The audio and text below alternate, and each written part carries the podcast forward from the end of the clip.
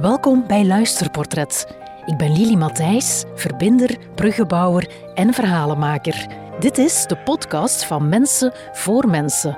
Voor iedereen die betekenis en houvast zoekt in verhalen van anderen. Dat bewustzijn van in de natuur te zijn, alles op te nemen, dat was er vroeger totaal niet. Of veel minder. Sluimerend zal er wel aanwezig geweest zijn, maar nu is dat voor mij een bewuste keuze. En dat was het vroeger niet.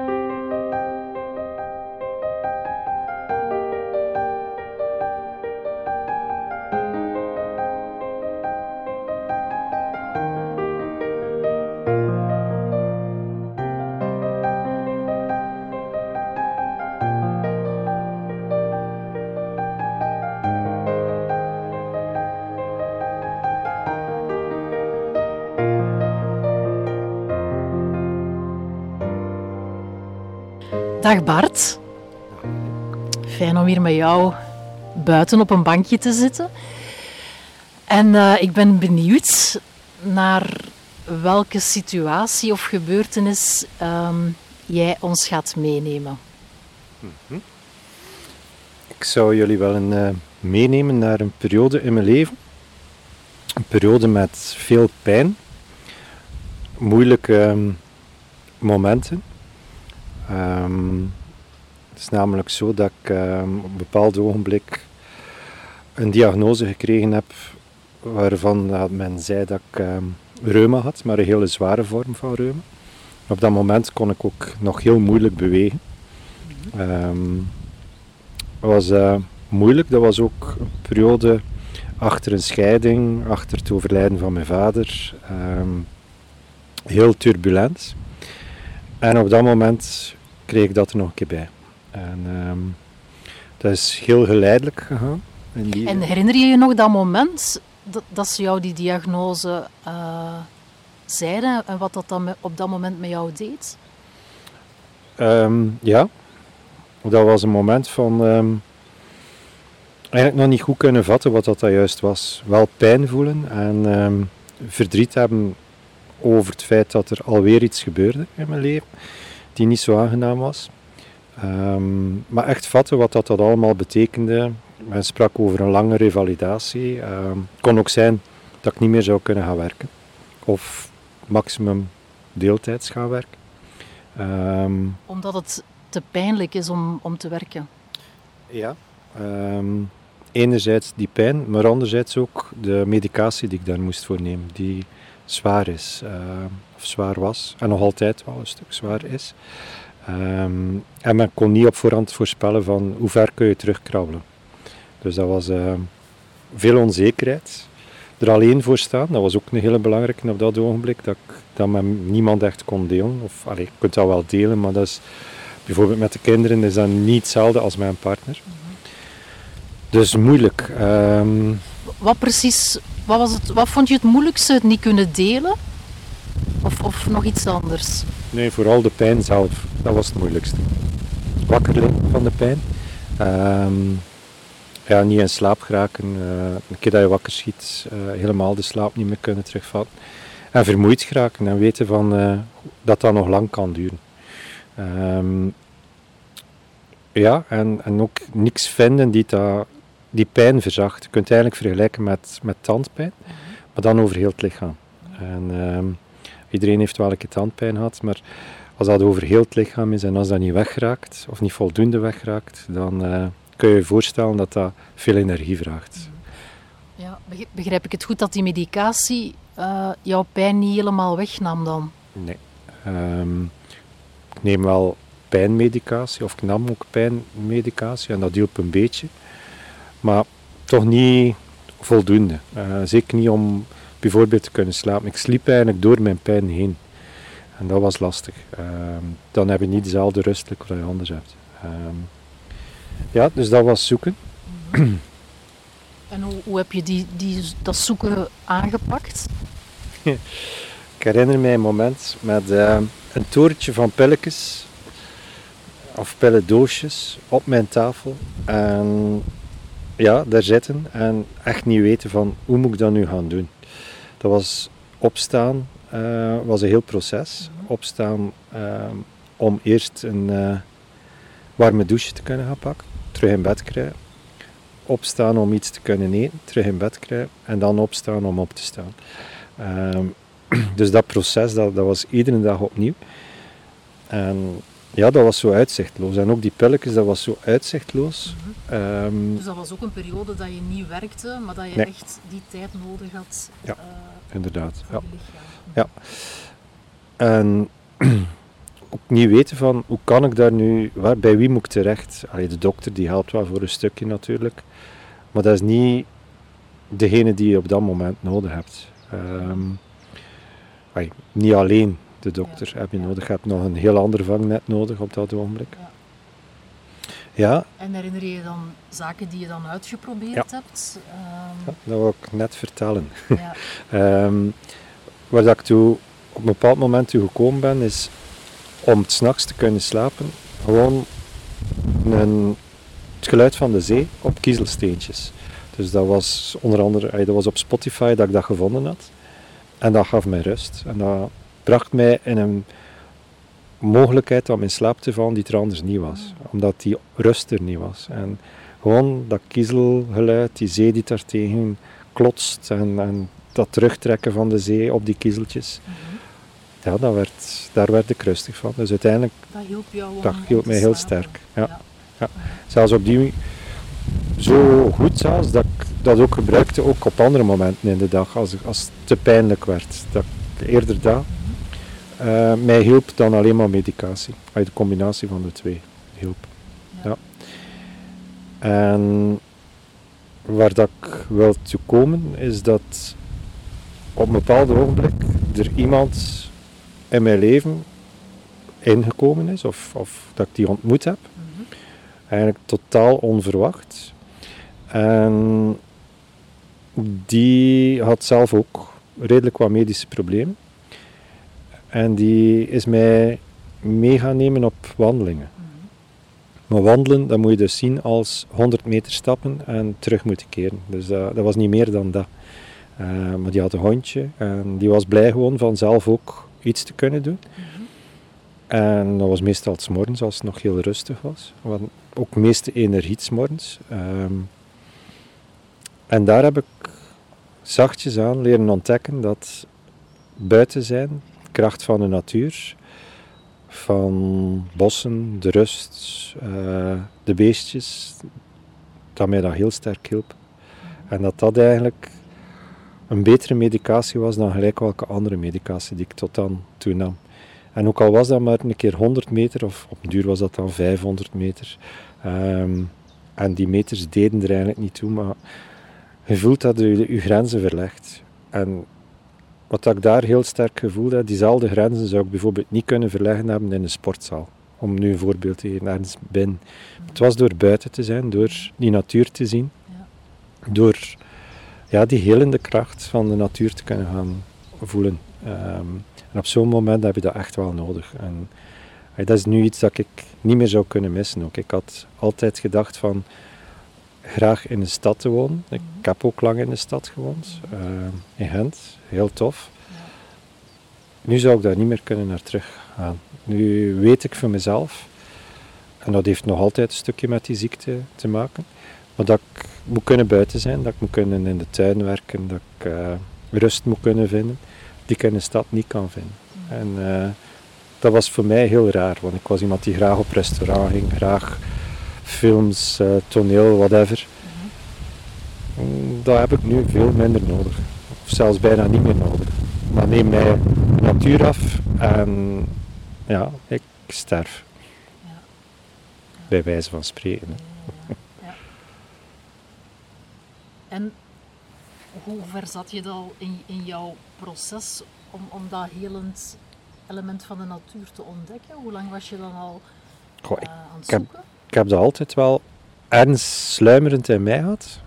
Dat weet ik. Eh, ik heb bijvoorbeeld ook nog, gewoon voor mijn werk, eh, met mensen in plaats van thuis te babbelen, eerder op een wandeling gaan, gaan babbelen met hen. En eh, dat was meestal in de richting van sociaal werk. Ehm, dus dat zat wel een stukje in mij. Maar zo bewust is eigenlijk door die, die omslag gekomen op het moment van die die vrouw die daar vroeg om met haar hondje te gaan wandelen.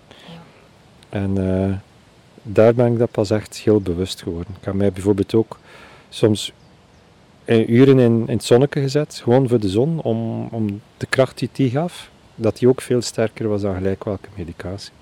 Eh, en die bewust, dat bewustzijn van in de natuur te zijn, alles op te nemen, dat was er vroeger totaal niet, of veel minder. Sluimerend zal het er wel aanwezig geweest zijn, maar nu is dat voor mij een bewuste keuze. En dat was het vroeger niet. Wil dat ook zeggen dat je dat, je dat, anders, dat, je dat echt anders beleeft? Die, die Ja, natuur? veel intenser. En kijk, een eekhoorntje. Een rostje. Ja, aha.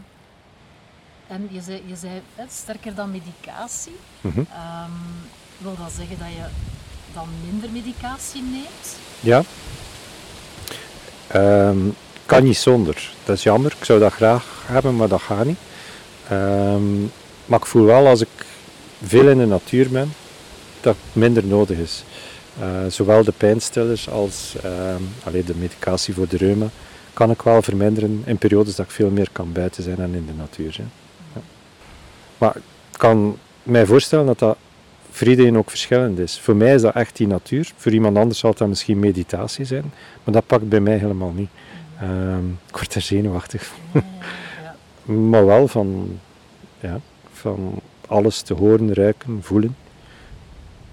En je gedachten te kunnen verzetten ja, op dat vlak. Ja. Daar word ik sterker van. En word je daarin gesteund door, door je dokter als je dat, of ik weet niet of dat je dat met hem bespreekt, zo die, Ja, het feit dat je dat ervaart? ja. De specialist nu niet direct, maar eh, met mijn huisdokter heb ik op een bepaald moment een keer een, eh, gevraagd van een, keer lang tijd te kunnen maken. Want je kent hoe, dat, dat gaat, hè. druk een agenda. En dan is het rap, rap, rap.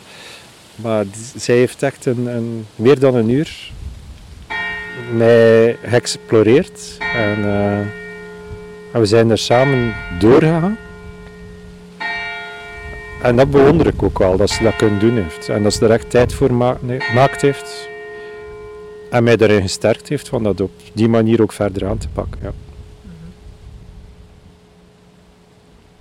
Dus je hebt niet ervaren dat dat weggelachen werd? Nee, eh, helemaal niet. beleving. Nee, toch niet. Nee. Mhm. Integendeel.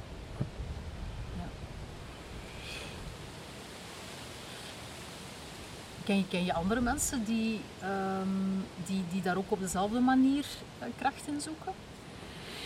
Mm, Niet direct, ik heb dat ook niet nodig. Het is niet iets dat ik per se wil delen. Ik heb wel die vrouw nodig gehad om mij daarin te trekken.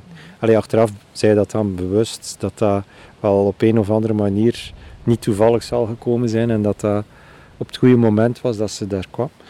Ehm, maar het is niet zo dat ik mij beter voel als ik met anderen kan dat delen. Integendeel, ik, ik vind ook als je in de natuur bent, kan je perfect alleen zijn. Ehm, buiten de natuur zou ik dat dan weer minder goed kunnen.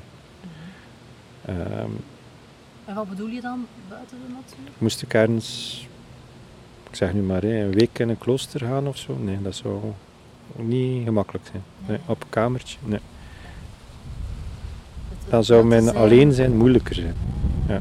In de natuur is dat ook weer gemakkelijker te dragen. Klinkt zo negatief, maar ja, om daarmee om te gaan. Ik kom je zelf ook heel sterk tegen in de natuur. Vind ik. Nietigen van hoe dat je bent.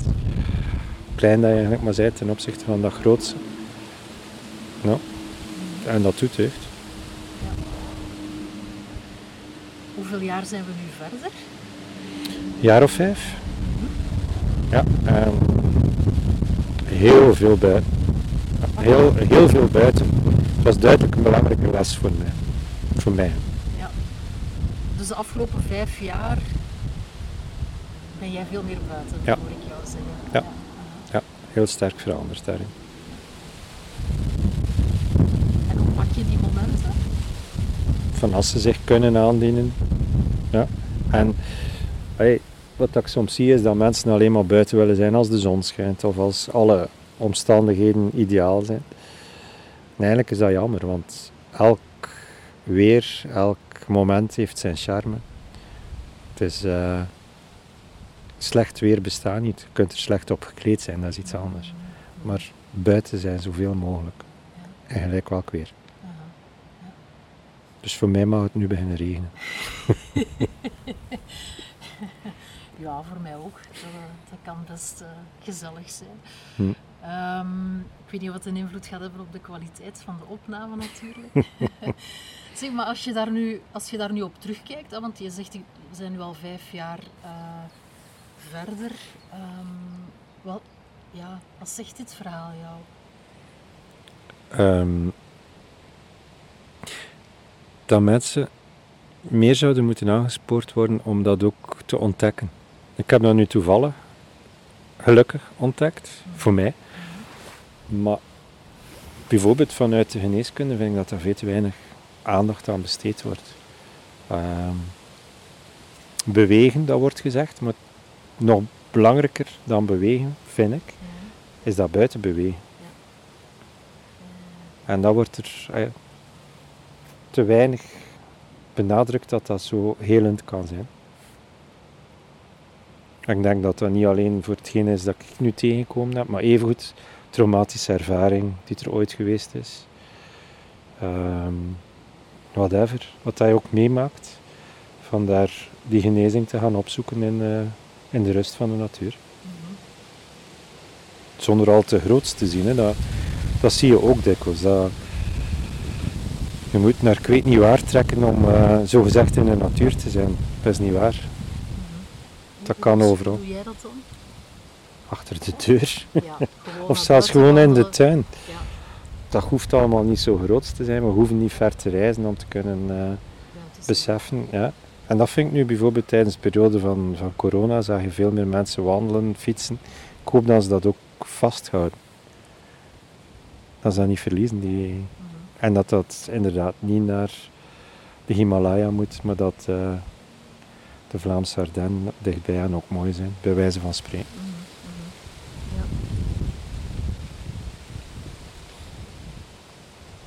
Als ik zo ehm, naar, naar jouw verhaal eh, luister, wat het, wat het bij mij oproept, of, of eh, wat het voor mij betekent, is, is eigenlijk, misschien heb je het zelf ook al gezegd, hè, dat je met de natuur, waar je uiteindelijk, die, die er gratis is, hè, En waar dat je eh, deel van en uitmaakt. waar je deel van uitmaakt.